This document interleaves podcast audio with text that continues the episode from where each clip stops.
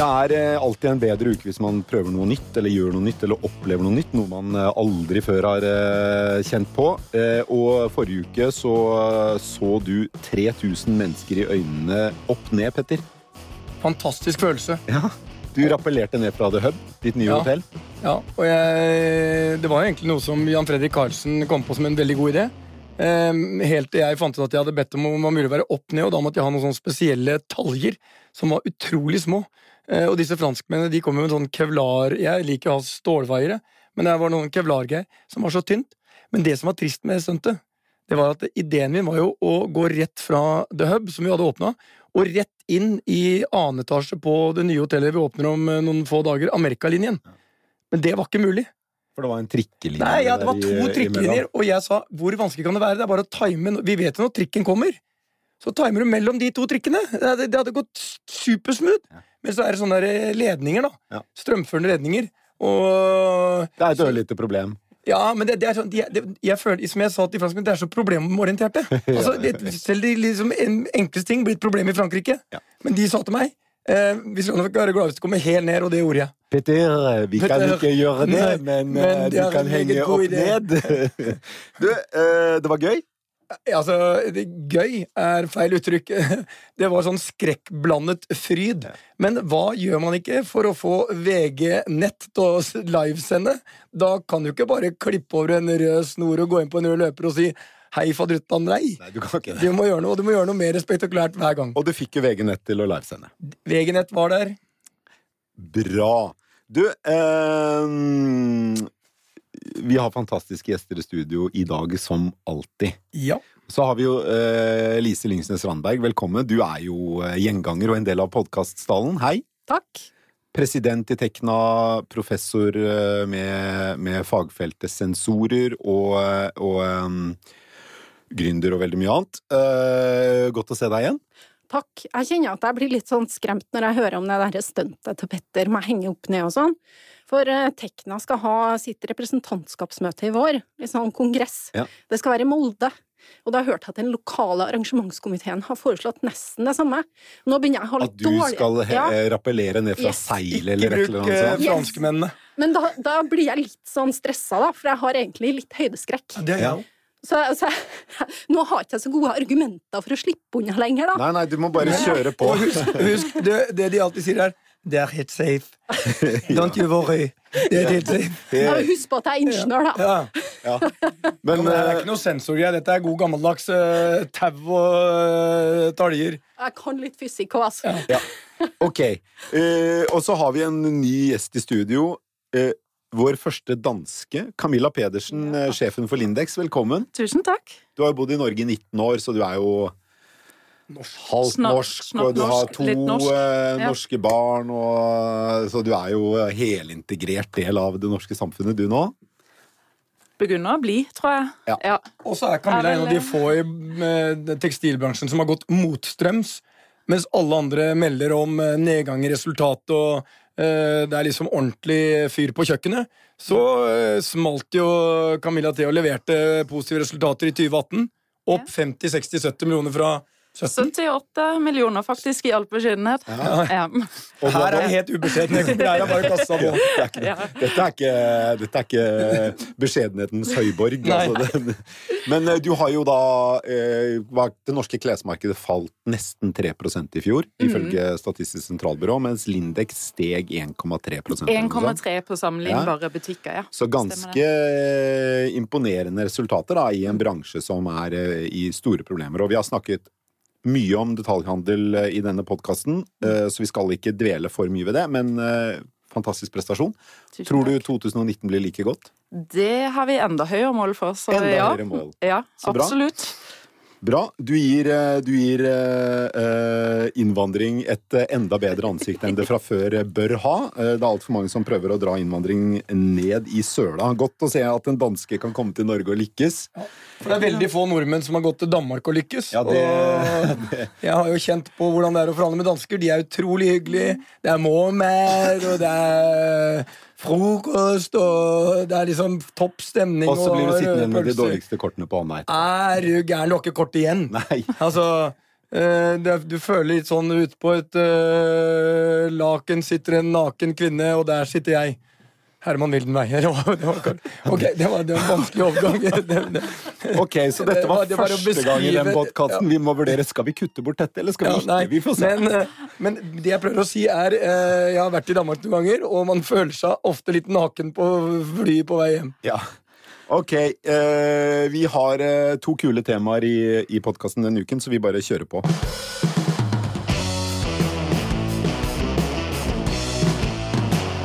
Digitalisering har eh, mange konsekvenser, eh, noen av dem uante. Ifølge NHH-doktorgradsstudent Andreas Olden så fører selvbetjente kasser i dagligvarebutikkene til at vi handler mer usunt. Eh, Han skriver det i en kronikk i Dagens Næringsliv. Han har skrevet en doktorgradsoppgave på dette feltet. Eller han har skrevet masse essays som en del av denne doktorgradsstudiet sitt. Og Olden beskriver da hvordan kundene mister hemningene når de ikke har skarpe blikk fra andre bak dem i køen eller i betjeningen. Da kjøper de mer godteri, potetgull og brus og mindre sunne varer. Så eh, selvbetjente butikker eh, i, eh, På polet så ser han også at vi da kjøper flere vinflasker med lange, vanskelige franske navn eh, enn eh, ja, en, eh, jeg er ikke så god på vin, så jeg kommer ikke på noen korte navn, men, men altså eh, Det blir ikke så mye Madonna. Det, Madonna, ja. Så vi kjøper Ribflaumilk. eh, Selvbetjente kasser endrer da vanene våre. Eh, men er det, er det sånn? Eh, eh, Camilla, du som, eh, du som jobber i detaljhandel, i hvert fall. Er det sånn at når du fjerner det menneskelige elementet i større grad i handelsprosessen, blir vi da mer irrasjonelle? Eller, tror- eh, eller uh, usunne? Man så jo ganske tidlig når du starta å introdusere det her digitale løsninger på selvbetjening. Så jeg jo leste Taco Bell, for eksempel, som økte eh, omsetningen deres med 20% fordi at folk de sto og adda big size på alt. Det var enkelt å ta en stor Ja, cola. og- og trykka Ja, og trykka. trykka. Og det var enkelt å adde på den desserten uten å føle seg shamed etter at du hadde supersize-menyen din, og så kliner du til med en dessert òg. Så jeg, jeg tror at eh, for så vidt Vi er jo ekstremt Det ser vi jo bare alt i samfunnet i dag, hvor ekstremt opptatte vi er av hva vi tror andre tenker om oss. Ja. Så det er ikke så veldig overraskende, tenker jeg. Mange tror jo at eh, janteloven er typisk norsk, men den er jo egentlig typisk dansk. Aksel Sandemose var jo dansk, ja. selv om alle, eller veldig mange nordmenn tror han eh, var norsk. Ja. Men eh, da, janteloven står jo sterkt både i Danmark og i Sverige og i Norge, og jeg vil kanskje hevde at den står aller sterkest i Sverige. Eh, det tror jeg mange svensker vil være enig i. Eh, men er, det, er, janteloven en viktig del av uh, Hvis du går i, du, går i du kommer til Lindex da, og du handler uh, Preger janteloven handelsmønsteret til uh, nordmenn i større grad enn hvis man går inn på lindex.no og handler der? Altså, For vår del så har vi ikke sett noe forskjell stort faktisk av hva som blir handla i fysiske butikker online. Men det vi ser i større grad, det er jo at det er enklere å returnere. Og kanskje det er fordi at det forteller Nå snakker vi litt sånn innledningsvis i dag òg, før vi gikk inn, det her med at folk sender veldig mye retur, er det som har kjøpt online. Og det er kanskje litt vanskeligere å da gå inn til en fysisk ekspedient og si hei, du, jeg så veldig flott å stå ut når jeg bare klinte til med et skikkelig kjøp på en eh, 5000 spenn, men nå leverer jeg tilbake 70% av det, da. Så det er mer skamfullt å komme tilbake til en Lindex-butikk med liksom, bærepose på bærepose med klær som du returnerer, men Altså, Jeg håper ikke at det er noen der vil oppleve det i våre butikker, da. Det gjør jeg ikke. Nei, jeg tror ikke. Men jeg tror at folk har veldig mange antakelser om at det er det, uten at det er det, da. ja. Ja. Men jeg handla på, i en sånn selvbetjent kasse på, på Coop på lørdag, og eh, eh, Da skulle jeg ha noen grønnsaker. Jeg skulle lage en, eh, en Selvfølgelig var ikke en potetgullpose. Sant? Jo, det var det faktisk. Det var det. Ja. Men, eh, men da skulle jeg handle grønnsaker til en sånn grønnsakssuppe jeg skulle lage i går. Og det er jo dritirriterende, for da må du veie alle grønnsakene selv. Du må søke opp sellerirot. Nei, var det økologisk, eller var det ikke? Og det er liksom masse jobb med det. Så jeg tror det er en viss sånn Altså, det er noen feil i denne studien nå, fordi han har sikkert sett på kassalappen hva er det folk handler, men å handle bare- grønnsaker i en Ja, men, selvbetjent men nå er fikk du sagt at du skulle lage egen grønnsakssuppe fra bånn. Vi, jo, vi sa jo innledningsvis at dette var ikke Men en arena oss, for la eh, oss ta noen mer naturlige eksempler. Bare tenk på følgende. Selvbetjentkasser er fantastisk. Det er kjempebra. La, la oss si at du da eh, skal ha eh, en graviditetstest, da. Eller kanskje ikke en graviditetstest. Si at du skal kjøpe kondomer. Ja. Det, det er mye lettere da, så sitter det en eller annen der som skal se liksom at du velger extra large eller extra small. Eller en eller annen sånn ytterlighet, ikke sant? Så kommer det. Mye bedre å bare kunne skli den forbi på en sånn autoskanner. Ja, det er jo det. Ja, enn å stå der i hylla og sånn, sånn Hvem skal jeg ta? Nei, jeg, jeg tror jeg velger extra large. og så vet du at faen, det er feil. Ja. Ja. Eller det er helt rett. Eller, eh, men var det uansett, da. Du, du tar poenget mitt. Jeg tar poenget ditt. Ja, ano, anonymitet. Det der eh, eh, Så eh, det, det, det, kan jo, det kan jo være et visst sånn sosialt stigma ved en del ting du handler. Jeg tror jo ikke at det er et poeng. Tidligere så var jo det mye mer stress, for da måtte du jo gå i forskjellige butikker hvis du var flau over å handle så mye godteri eller så mange pakker chips eller så små kondomer, så måtte du liksom finne en butikk der du ikke kjente betjeninga. Ja. Jeg har sjøl kjent på den her graviditetstesten Ja. en gang for 100 år siden. Så hvor står jeg- bak. Ah, det var bare sånn, du må finne et apotek der du ikke kjenner noen for å tørre å kjøpe den testen. Så, så jeg tror det er helt eh, reelt, altså. Skam Jeg kom på eh, mange det- ting nå som egentlig passer bra for sånn der eh, skanning, ja. Ja, men alle har jo hatt noen ganske kleine opplevelser i en eh, butikkø. Men eh, eh, eh, bare tenk på hvor fort du kommer med unnskyldninger. Nei, nei, du, du handler ikke til deg sjøl. Du, du handler til søstera di eller naboen eller Ja. Altså, det er alltid noen andre, da. Ja. Men egentlig så skal du jo ha det sjøl. Stort sett. ja. Kom, det, skal jeg, dem skal jeg bruke neste gang jeg kjøper ekstra små kondomer. Han likte meg, det er til Per. Jeg kan kjøpe selv. Ja, Nå tenker jeg bare på den Karpe-låta 'Har ikke kondom, og hvis jeg bruker, jeg bruker Magnum'. En utrolig bra En utrolig bra låt, men ok. eh, Men eh, så Men s- eh, for å prøve å for Men prøve å- ideen rundt, ideen rundt skanning er jo fantastisk. Hvem hadde vel trodd at, eh, for det, hvem hadde vel trodd at liksom, man kunne komme til en situasjon hvor du kan handle og selv liksom skanne varene dine og betale uten at det står noen der? Du, øh, blir, du blir liksom ikke overvåka. Men jeg, nå, jeg, vi pleier alltid å ha løsninger. Tenk, og det kunne kanskje du lagd en sånn løsning. Idet du liksom er ferdig å skanne, så, har dere sånn, så er det noen sånn sensor som sier nå er det ferdig, og så får en sånn skjerm foran deg og sier sånn Du har akkurat nå handlet potetgull som har 4800 kalorier, og eh, pølser som er eh, bearbeidet, og Og så får du sånn rødt, grønt og gult lys. Du er helt sånn bom, bom, bom. Du er nå langt utenfor Eat Lancets anbefalte kostholdsveiledning. Du er selv utenfor eh, hva heter det, norsk uh, Folkehelsekravene, ja, ja. ja, Men altså, det, ikke, Jeg har ikke sett akkurat den, men det finnes lignende eh, hvor det faktisk er en app på telefonen din som registrerer at du går inn Altså, du blir registrert på at du går inn i butikken.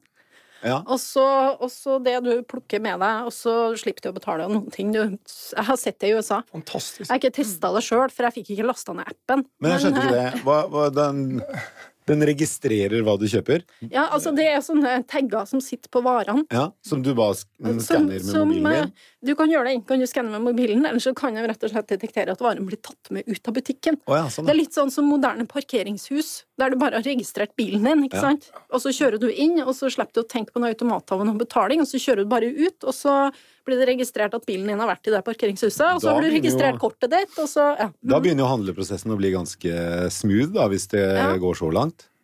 Men er det, er det realistisk å få til uh... Jeg vet ikke om du kan ha det i sånn masse, men jeg vet det har vært gjort i USA. Jeg har Ja. vært i en sånn butikk. Uh, Men jeg fikk jo ikke handla noe, for jeg fikk jo ikke lasta ned den der appen fra min Nei. norske iTunes.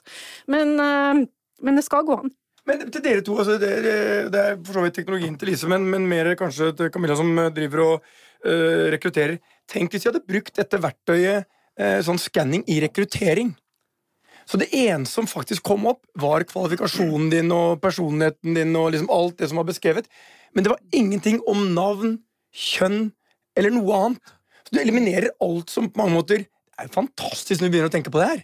Det er jo mye gøy som kan gjøres, da. Nå har man jo begynt å bruke altså, gamification også inn i rekrutteringsprosesser. For å Det få må du forklare oss som da driver Altså, med eh, gammeldags rekruttering. Talentjakt. Gamification vil jo si at det, det fungerer som et spill.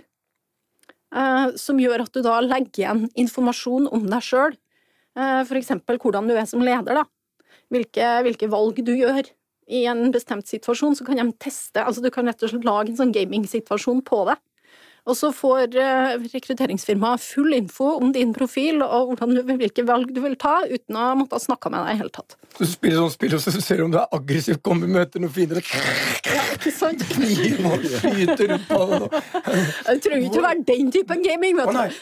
Du har spilt feil spill, du, Petter. Ja, jeg, jeg, jeg, jeg skal avsløre en ting. Jeg har aldri spilt ett spill. Jeg, det, jo, jeg har spilt sånn Pacman-spill en gang. Men vi har, vi har, vi har på, i løpet av få minutter vært innom ganske mange temaer her. Det, er springende, men uh, teknologi Men du er jo ansvarlig for å holde dette innenfor den smale sti. Jeg er det, og jeg sliter, men uh, vi, må, vi må prøve, fordi eh, teknologi og eh, skam er jo, er jo egentlig det vi snakker om. Hvis du går i selvbetjente kasser, så kjøper du, du lasse på med potetgull og godteri som du kanskje ellers ikke tør å ta med deg i kassa, fordi du vil bli vurdert av de som er bak og foran deg i køen, og han eller hun som står bak kassa. Men eh, skam, er det Eh, er det et element av skam i en kjøpsprosess i en typisk Lindex-butikk? Er det sånn at vi som eh, kundene dine ikke velger det raffeste undertøyet eller eh, ja. Er dere klar over de mekanismene, altså psykologiske mekanismene hos kundene? Visste du at Lindex hadde gitt dere som sine satsingsområder? Undertøy for kvinner. Nei. Nei, du traff ganske godt. Nei, vi har det. Så selv blind høne finner eh, Korn, ja. Nei, men jeg tror det er viktig, og det er jo noe vi må trene med våre ansatte på hele tiden. Og det er jo også et spennende element når vi kommer til selvbetjening. Det tar jo ikke vekk det faktum at du må fortsette å trene og utdanne dine ansatte til å gi en god service. Og i hvert fall er det jo ingen som burde oppleve skam, men det er jo masse Altså, la oss snakke om klesstørrelse. Ikke sant? Det handler jo om å prøve å bygge ned den barrieren og ønske alle kunder velkommen, uansett om man er en ekstra, ekstra small eller den andre veien ja. på large. Og da handler det jo om å liksom prøve å avdramatisere, men heller bare fokusere på å gi en god opplevelse til kunden som kommer inn. Men det må være butikkene sin oppgave, og det vil det jo bli i lang vei fremover. Og jeg tror ikke sånn digitalisering og eh, spesielt med de her selvbetjente kasser, så sier man jo at nei, det er ikke for å spare ansatte. Det er jo fordi at da kan de ansatte være på gulvet og hjelpe kundene.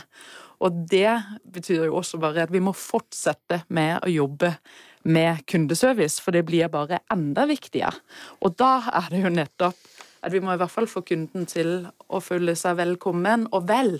Det må jo være å få lov å inspirere de kundene du har, til å føle seg vel når de går ut av butikken. Det må vel være Uansett, Men, men, men Camilla, det, det kommer jo nå i tekstilbutikker, eller jeg vet ikke om det er på vei inn, det er i hvert fall i utlandet, hvor du blir skannet.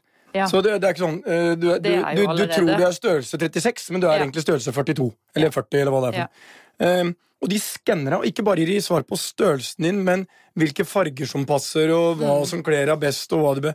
eh, Du har jo de her skjermene hvor du bare kan veksle mellom forskjellige outfit, og så kan du i tillegg eh, poste det på Facebook. Vi har det ikke, nei.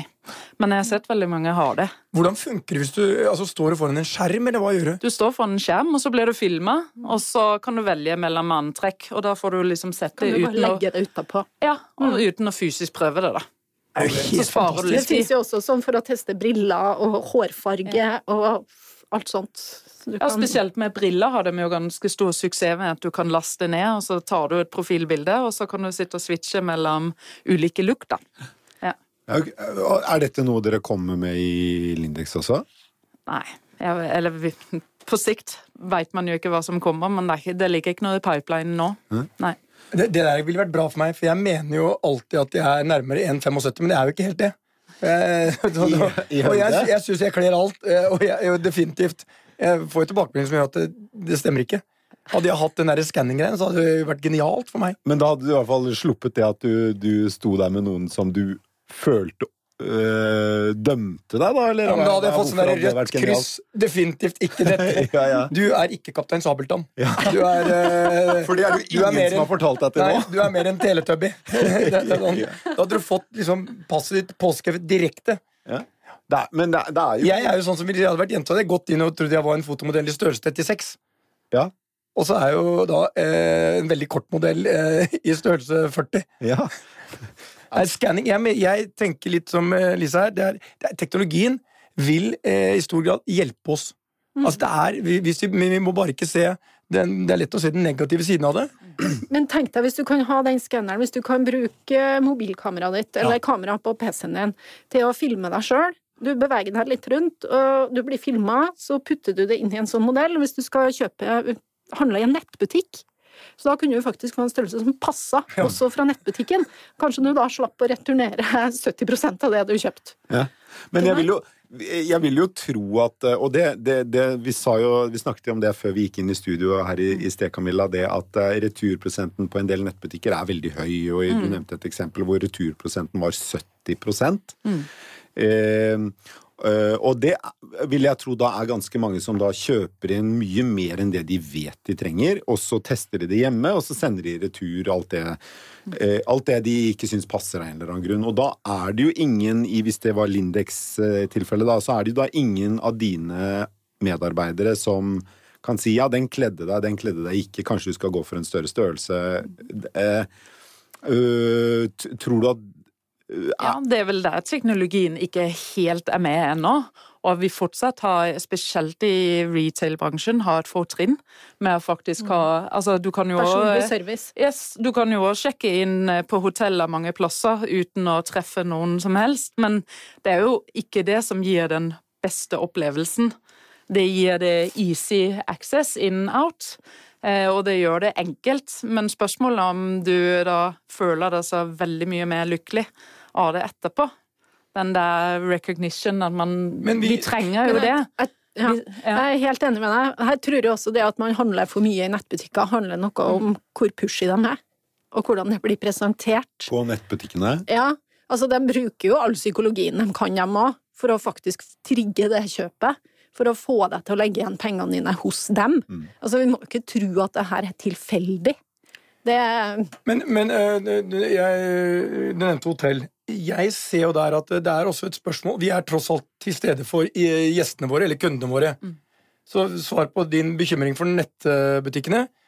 Det er, det er ikke noe problem for deg, det er bare en mulighet for deg at Ja, nei, ja. returprosenten er stor. Jeg er overhodet ikke bekymra. Jeg syns er- det er topp. Ja, og du, du har jo bare valget mellom hvit skjorte og lyseblå skjorte, for resten er jo same, same hver dag. Ja, det er Så du, du har en returprosent på nær null. Ja. Du kan størrelsen lyseblå eller hvit. Eh, ja takk, begge deler. Ja. Men det var ikke mitt poeng, Per. Din klesskau har vi diskutert før, og der er det store muligheter for forbedring, Ja. selv uten skanning. Men det jeg skulle si er på hotellsiden det er- det er det. Er det. Men på hotellsiden så er det interessant. Fordi noen gjester de vil faktisk bare gjøre én enkelt ting. De vil ha en god seng å sove i. Hvis de kan spare penger på at jeg kan bruke en app, da, um, både for å booke, bestille, betale og bruke den som romnøkkel Og det der så vi for noen år siden. Nå har vi, og vi, det er selv norske selskap. Vi gjorde verdens første. Og nå kommer vi med en ny sånn eh, greie hvor du kan velge romkategori. Du gjør alt selv, men du får besparelsen selv. Så for gjesten igjen, som dette, så er dette en fantastisk en sånn positiv opplevelse. Det er faktisk mange som ikke trenger å ha han som bærer kofferten din, eller tar deg imot og følger deg opp til rommet, eller noe. For du vil ikke betale for det. Du bor sentralt i Oslo, men du vil bo billigst mulig. Og da er du villig til å gjøre en del jobb for deg sjøl. Og den generasjonen som kommer, er jeg redd, kommer til å skanne seg selv, stå hjemme på kjøkkenet, få varene sendt. Og da er spørsmålet, Camilla, hva gjør vi med Lindex-butikkene da? Ti år frem i tid? Du har hvert 100 at, stykker. eh, Ja. Nei, det jeg ser i hvert fall, det er jo at jo enklere med checkout og apper og alt som er, det er bare å stille ekstra store krav til de ansatte som er i butikk. Fordi at det er ingen vits hvis de bare gjør basic jobb lenger. Vi må liksom strekke oss hakket langt over. Fordi ja, hvis du kan bli skanna på nettet, og du kan få akkurat det outfit som passer deg da, Du kan jo til og med få en liksom forslag til hva som hadde passa, og neste gang du kjøper, så kan du kjøpe dette. Og hvis du ikke greier å få samme opplevelsen og enda bedre i butikken, det er jo det vi må jobbe med. Knallhardt fremadretta. Men hvor, hvor stor er eh, netthandelen din i dag eh, i forhold til totalomsetning? Du omsetter for en milliard. Ja, altså generelt, vi går ikke ut med bare for Norge, men eh, to, på totalen så er det 5 for skjeden. Fem, ja. Ja. 5 Så vi har jo masse vei å gå ennå, vi. Hva tror du den er om eh, et par år? To år, hver hva er eh, netthandelprosenten? Jeg ser jo alle de her spådommene, de sier jo at fortsatt 80% av fysisk handel vil eh, Det vil jo fortsatt være i butikk, og ikke på nett selv i 2025. Så hvis man skal tro det, så tror jeg Men jeg tror at den, begynner, den blir ved å vokse lang tid fremover. Det er jeg helt sikker på. Lise, tror du at eh, om eh, i all overskuelig framtid at 80% fortsatt er i butikk? Jeg er litt skeptisk til det, altså. Jeg er det når jeg ser teknologiutviklinga, og så ser du jo også sånne aktører som for eksempel Post Nord, som egentlig driver med transport og logistikk, nå også begynner å åpne postkontor med prøverom, sånn at det skal bli enklere for deg å returnere varene. Ja, Fantastisk! Altså, det kommer noen nye ideer, det kommer noen nye initiativer som jeg tror også kommer til å utfordre her enda mer. Kom inn på et postkontor, så alle postlukene bytta ut med prøverom. Det er genialt! Faen, altså, Hvem trodde den? Den så jeg ikke komme! Nei, og så eh, men- Men jeg, jeg, har bare, jeg har bare ett spørsmål. Jeg tror nemlig en ting, eh, Lise. Det er Jeg tror det er det bransjen gjør feil. De går inn i fremtiden med en forestilling om at 80% kommer fortsatt til å gå gjennom butikk. Jeg ville gått inn med det motsatte, for jeg ser barna mine som nå er i ferd med å handle 80% på nett. Ja. Jeg ser det Altså, samme. Jeg ser ja. det samme. Og, og jeg, ja, riktig, og hvis vi ser det, så tror jeg bare at det, det er så lett å se på seg selv og vurdere ut fra det. Hvis vi har rett, Lise, øh, som det er store sannsynligheter for, øh, eller i hvert fall at du har rett, da vil jo dette forandre helt fundamentalt hvordan vi distribuerer varer. Spesielt innen øh, tekstilbransjen. Men vi har jo en kjempeutfordring fortsatt da med frakten. Fordi det er fortsatt veldig dyrt å frakte, og det er jo mm, miljøbelastende å frakte varene frem og tilbake. Så eh, det er jo noen ting som skal løses for å gjøre det kjempesvært. Ja. Ja. Men uh, mye skjer jo på ganske kort tid. Nå har jo uh, Amazon har jo begynt med droner. Um, ja, det er, er jo kanskje litt sånn litt tilbake til sånn, fremtiden-ish ja. ennå, men, men mer uh, reelt er jo en aktør som Skipsted, som jo distribuerer, eller eier og distribuerer Aftenposten, Bergens Tidende, Adressa, Stavanger Aftenblad, Fedrelandsvennen. De dekker alle de store norske byene. Eh, De har jo begynt med eh, distribusjon av varer rett hjem på døra. De Og de leverer vel brød og sånn, gjør de ja, ikke det det? gjør de også. Ja. Eh, og, og de er jo sikkert neppe de eneste som ser muligheten i det å levere varer rett hjem. Og de har jo et etablert distribusjonsnettverk som, som, eh, som har eh, færre og færre aviser å levere, så de kan levere mer og mer klær og, og brød og, og andre varer. Så tror jeg sånn generelt i, i alt som handler om digitalisering, det handler jo i veldig stor grad om å redusere friksjon for kunden. Friksjon i en eller annen grad. hassle. Ja, mindre hassle er jo et annet ord på det samme. Ja. Og, og jeg har jo mye erfaring fra å utvikle app, nyhetsapper. I E24 laget vi jo en, en nyhetsapp som het Min E24. Og noe av det viktigste vi jobbet med der, var jo i alle, um, alle bruksmønstrene på den appen å redusere friksjonen. Og jeg, jeg vil jo mene at um, møter med mennesker vi ikke kjenner, uh, uh, situasjoner som å stå i en kø, det er mer enn noe annet friksjoner i våre liv. Det er friksjoner vi helst unngår hvis det er alternativ til det. Og derfor er jeg, helt sikker på at om fem år så er det mer enn 20% av kleshandelen blant nordmenn som er digital, nettopp fordi friksjonen ved å handle klær fysisk i butikker er så stor for mange. Da tror jeg vi kan eh, konkludere med at den neste stjerna i detaljhandelen er interaksjonsdesigneren. Ja, det tror jeg også. De Som skal lage den appen Ja, og sørge for at det går Altså, Og jeg tror også for, oss, for oss, hva var interaksjonsdesigneren?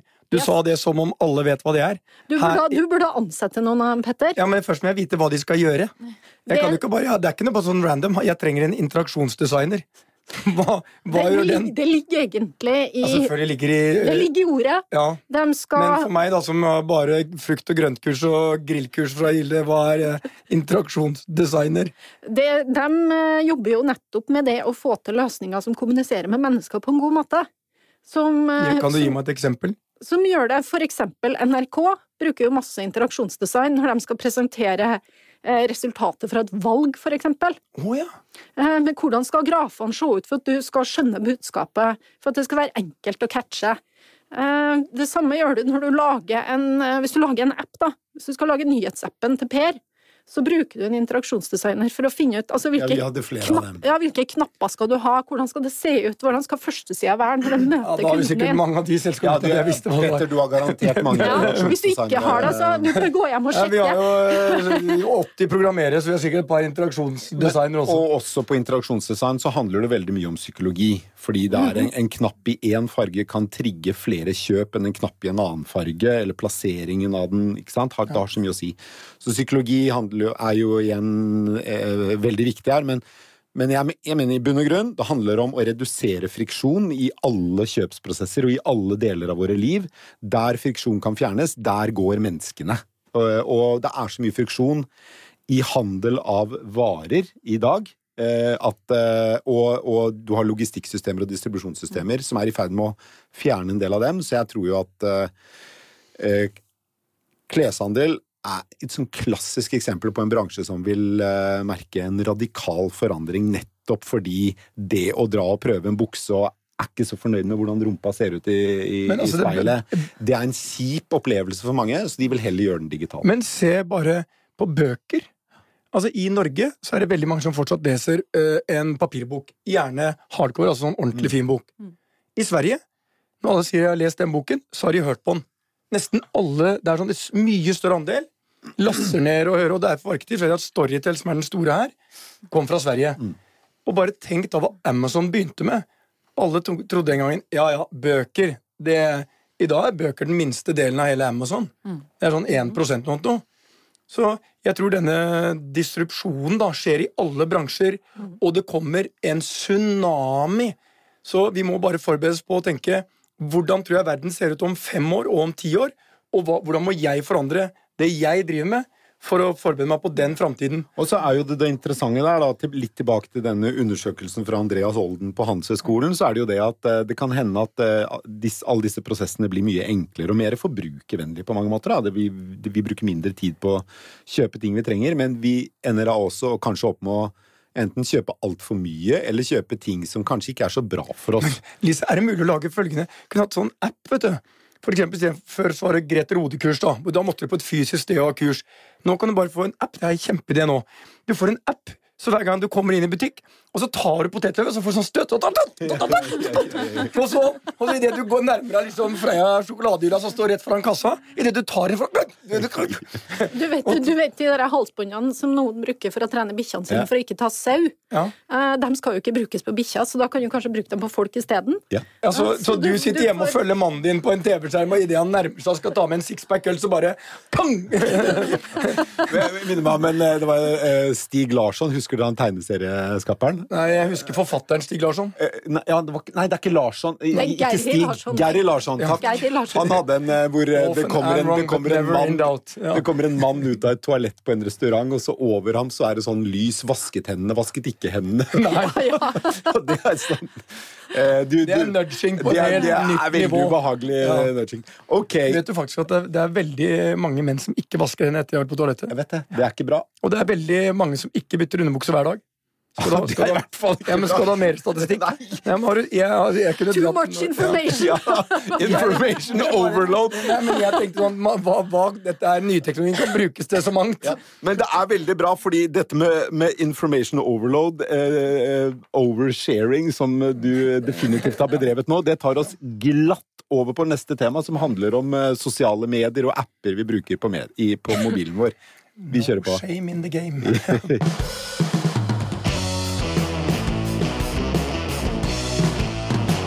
For ikke så lenge siden så lanserte iPhone en tjeneste som heter skjermtid. Eh, Det gjør det jo mulig for oss å se hvor mye tid vi faktisk bruker på mobiltelefonen, og eh, hvilke apper vi bruker mest, eh, hvor mange ganger vi plukker opp telefonen i løpet av et døgn. Og det er jo, eh, for de som har sett på det, eh, ganske smertefullt. Eh, Jeg har eh, noen dager hvor jeg virkelig bruker mobiltelefonen altfor mye. Eh, og for min egen del, i hvert fall, det er det omtrent det første jeg gjør. Det er å, å sjekke mobilen min om morgenen. Jeg tror det er det første jeg gjør, faktisk. Har jeg noen push-varsler som jeg burde ha fått med meg? eller noe sånt. Uh, hva er det, ok, Camilla, hva er det aller første du sjekker om morgenen? Ja, det er faktisk mobilen, det òg. Men eh, jeg jobber jo i retail, så det ligger helt i ryggmannen. Så det første jeg sjekker på morgenen, det er jo salgstallene fra dagen før. For de får du på mobilen din. Ja, de får jeg på mailen min, så de veit jeg de er klar når jeg våkner litt før seks. Da ligger de i mailen din, da, eller? Ja, da er de på mailen.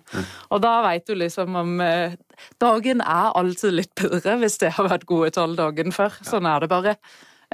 Og hvor mye bruker du mobilen din i snitt i løpet av en dag? Jeg bruker den altfor mye. Jeg syns det var ganske scary eh, at de innførte denne tidsbrukoversikten, ja. Men eh, ja, jeg Hvor, bruker hvor, hvor mange timer eh, i løpet av en dag? Sånn gjennomsnitt så er det nesten fem timer. Nesten fem timer, ja. Mm. Hva med deg, Alice? Eh, jo, jeg bruker jo telefonen eh, skrekkelig mye. Men uh, det, det første jeg gjør, er faktisk å sjekke hva klokka er. Men det gjør jeg Ja. også på mobilen. Ja. Så uh, jeg bruker vel et par-tre timer per dag, tenker jeg. Par-tre timer per dag? Det er veldig vagt, da. Men, Ja. Mellom to og tre timer, er det det du sier? Ish. Ok, det er jo Men det er jo fordi jeg lite i forhold til Ja, men det er jo fordi jeg, enten så sitter jeg jo i møter, og da kan jo ikke bruke mobilen. Det er jo regna som ganske uhøflig. Eller så underviser jeg, da kan jeg heller ikke bruke den. Eh, Så det, det er rett og slett fordi det er sånne fysiske, faktiske hinder. Så det er elevene dine som redder deg fra en altfor høy mobilbruk? Ja, Jeg tror ikke vi skal kalle dem elever, jeg tror vi kaller dem studenter. Studenter, ja. Ja. Hva med deg, Petter? Du er, står jo her med mobilen Jeg nå. sjekker nå. Nei, jeg ligger på omtrent samme tre timer. Ehm, men jeg har jo eh, Jeg er eh, akkurat som Camilla. Det første jeg får, er omsetningstallene på alle hotellene. Ehm, og, og, men så, så har jeg sånn WhatsApp, eh, og det, det syns jeg er fantastisk. Den bruker jeg ganske mye. For sånne grupper med Los Familios, som er familien, og, og så har jeg liksom selskapene og noe. Det, så, så den sjekker jeg. Og jeg, men jeg, mailen er nok den jeg bruker mest. Det er den, med den appen eh, som er sånn bilde av mail. Så eh, den og WhatsApp, eh, Twitter, nei, Instagram, Twitter er nok de jeg bruker mest. Men, eh, Jeg er også sånn at jeg sjekker mailen min først, og det er et tegn på at vi holder på å bli gamle. Altså. Er det det? Ja, hvis Ja. du spør ungdommen, så er det mail. ja, men, Ja. men de bruker jo ikke mail fordi de behøver ikke bruke mail, da. Det, Nei, altså det gjør de jo knapt. I hvert fall ikke før de blir studenter. nei. Men eh, skam er jo noe som definitivt også er forbundet med mobilbruk. Man, det er liksom litt sånn skamfullt hvis man bruker mobilen altfor mye. Eh, er det noen som Ja, det er jo det. Det er jo sånn eh, Jeg har jo små barn, og der er det jo sånne skrekkhistorier som eh, eh, helsepersonell ynder å fortelle alle som eh, venter barn, at eh, det verste vi ser, er når eh, foreldrene sitter der med mobilen på fødestua og tar bilder eller chatter med venner Det Du blir jo fortalt det som det første når du har fått barn. Ja. Så kommer hun jordmoren inn, og så forteller hun da om Bruk mobilen viktigheten mindre. er å legge vekk Ja. mobilen. ja. Ja.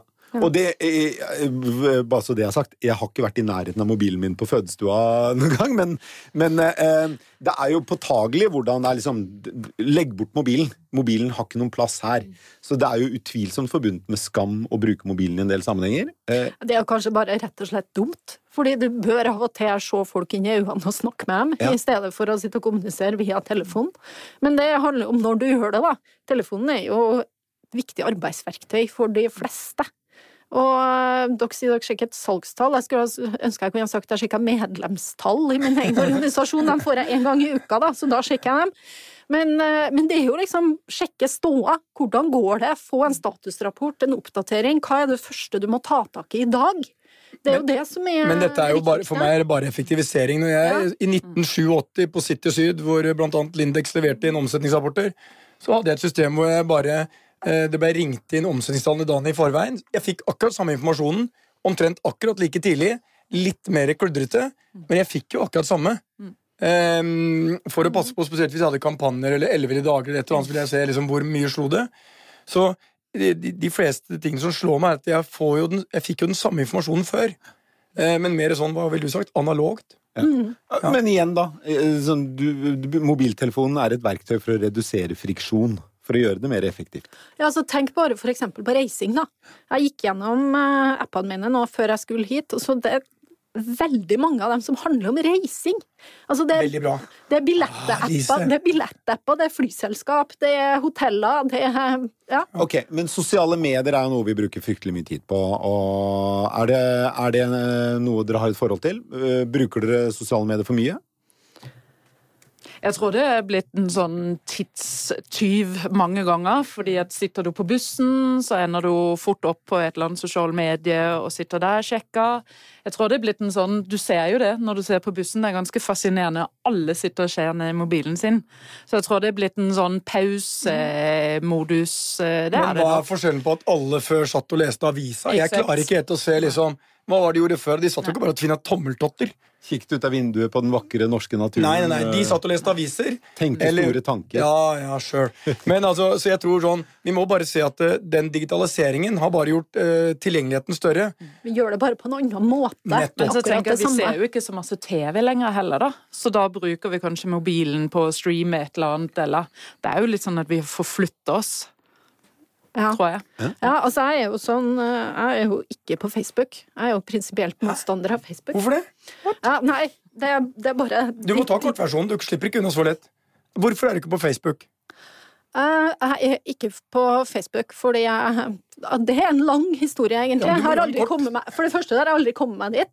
For det andre så handler det om at jeg ikke er veldig happy med det, de valgene det selskapet gjør, og hva de gjør med dataene mine.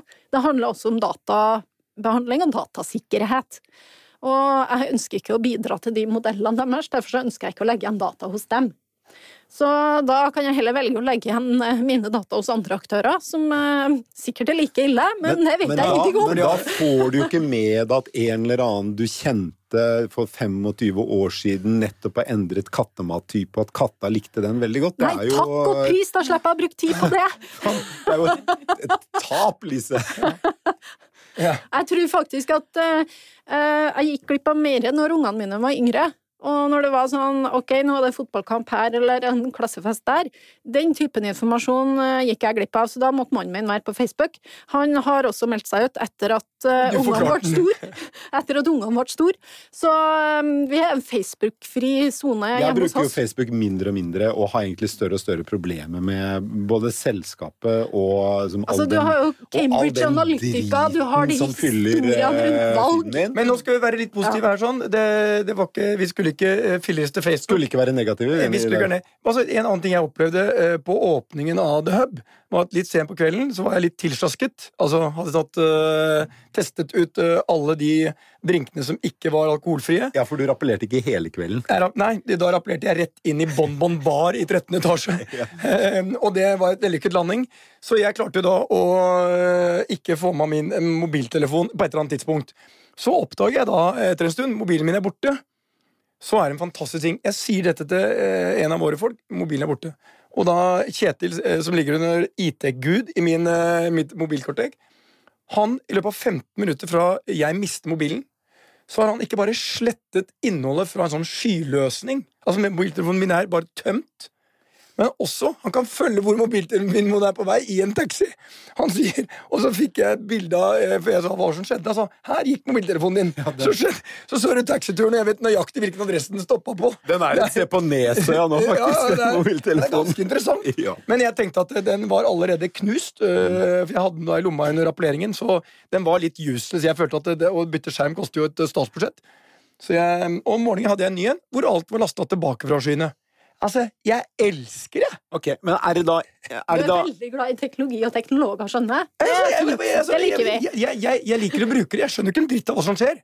Men jeg ser bare hvor ekstremt mye dette effektiviserer. Og én ting vi ikke har vært innom, som Lise sikkert kan bekrefte. Norge er et av verdens mest sånne øh, fremste land i å ta i bruk ny teknologi, øh, åpen for nye digitale løsninger.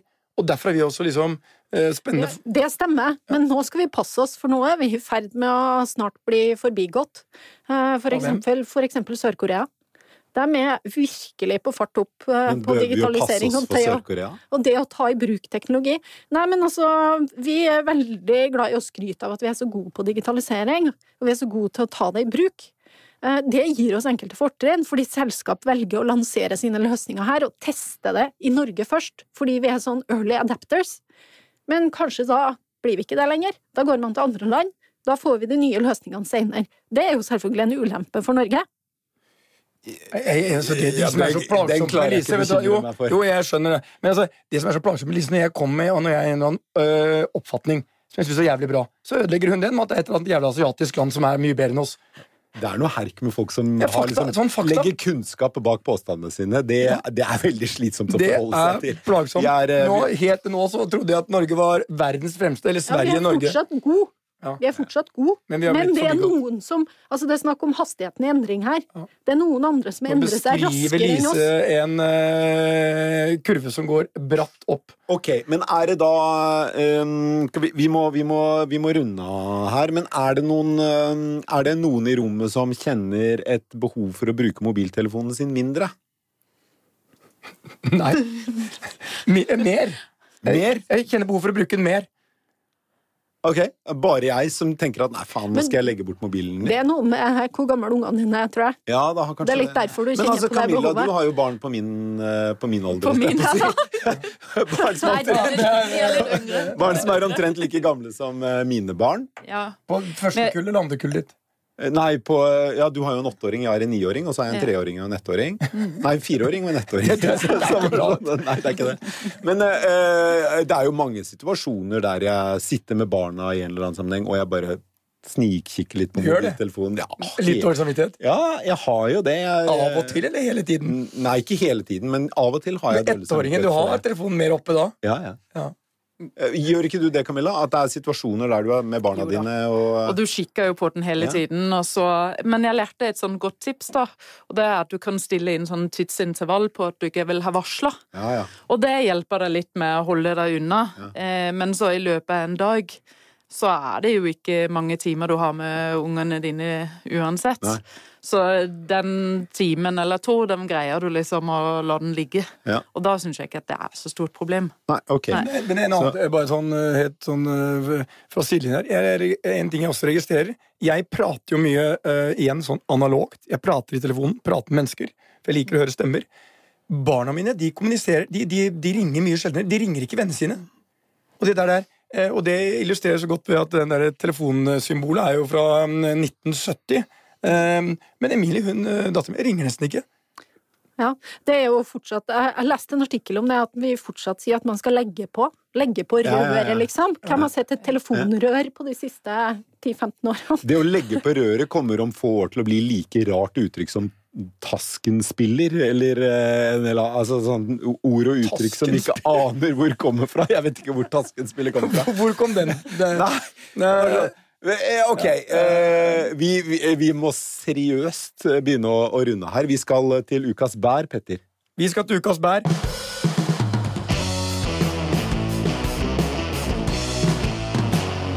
Heldigvis så er det sånn at det er noen ting som er så lite digitale som det kan bli. En av dem er det å skjære tunga ut av torsken under skreifiske utenfor eh, kysten av Nordland, eh, Petter. Og eh, dette er en eh, jobb for unger. Altså, jeg elsker det, og eh, bare Når unge liksom helt ned i åtte-niårsalderen eh, tjener mer penger enn foreldrene på å skjære ut torsketunger Det er, eh, altså det er en hund, mange mange hundre år lang eh, tradisjon, eller det var Nå er det en tradisjon. Eh, I gamle dager så var det jo grovt barnearbeid. Men, Men nå, er NRK, nå sier NRK at det ikke er barnearbeid. Yes. Og du har da, NRK Nordland har historien om Annelise på ni år, som nå er i godt i gang med sin tredje sesong som skjærer av torsketunger under skreifiske.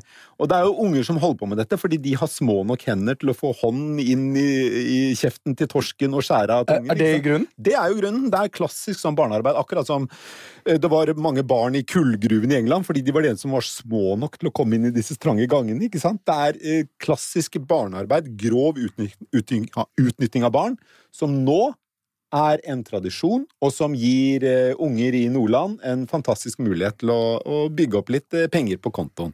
Og Annelise hun skjærer tunger så det griner. Hun regner med å tjene 7000 kroner eh, frem til påske. Det er mye penger for en niåring. Det er vanvittig mye penger, men det enda villere er jo at de beste eh, torsketungeskjærerne, hvis vi kan kalle det det, de kan tjene opptil 40 000 i uka. Altså, dette er jo akkordbasert. Ja. Altså, når, når, når, liksom, før du har blitt konfirmant, så tjener du liksom 280 000 eh, på en måneds sommerarbeid. Da skal jeg love deg at uh, faren din uh, liksom, Du må begynne å få investeringsråd uh, før du har blitt konfirmant. Petter, tenk hvor du hadde vært da hvis det, var, hvis det ikke var bær du solgte, men torsketunger du Nei, skal. men nå skal jeg fortelle deg en liten ting, siden du tok opp det. Jeg kunne på de beste dagene selge opptil 200 kasser jordbær, altså med 12 kurver, 2400 kurver. Og faren min tjente i de vasseste ukene mer på meg enn han tjente på butikken.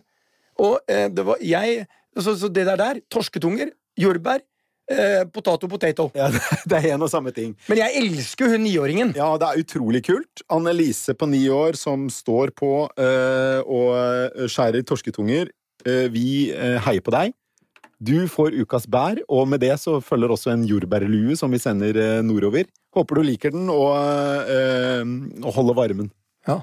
Stå på med skjæringa. Stå på, Annelise. Da var eh, denne ukens eh, stormkast eh, ferdig. Tusen takk skal dere ha for at dere kom i studio, Anne-Lise Nei, Anne-Lise, hva er det jeg sier? Lise Lyngsnes Randberg i Tekna og NTNU. Og Camilla Pedersen, stormkastdebutant, men fast lytter, forsto vi, av Stormkast. Det er gøy, og nå kan du høre din egen stemme. Det er alltid, etter min erfaring, sånn blanda det. Nei, jeg, jeg, Du sa jo til meg at du hørte på Stormkast bare for å høre din egen stemme. Nei, du sa det. Men det var i hvert fall noe i den duren. da. Nei, det har jeg aldri sett. Det er du som liker å høre din egen stemme. Hele tida. Give me a podium, I will give you a speech. Og med det så avslutter vi ukas Stormkast. Takk for denne gang.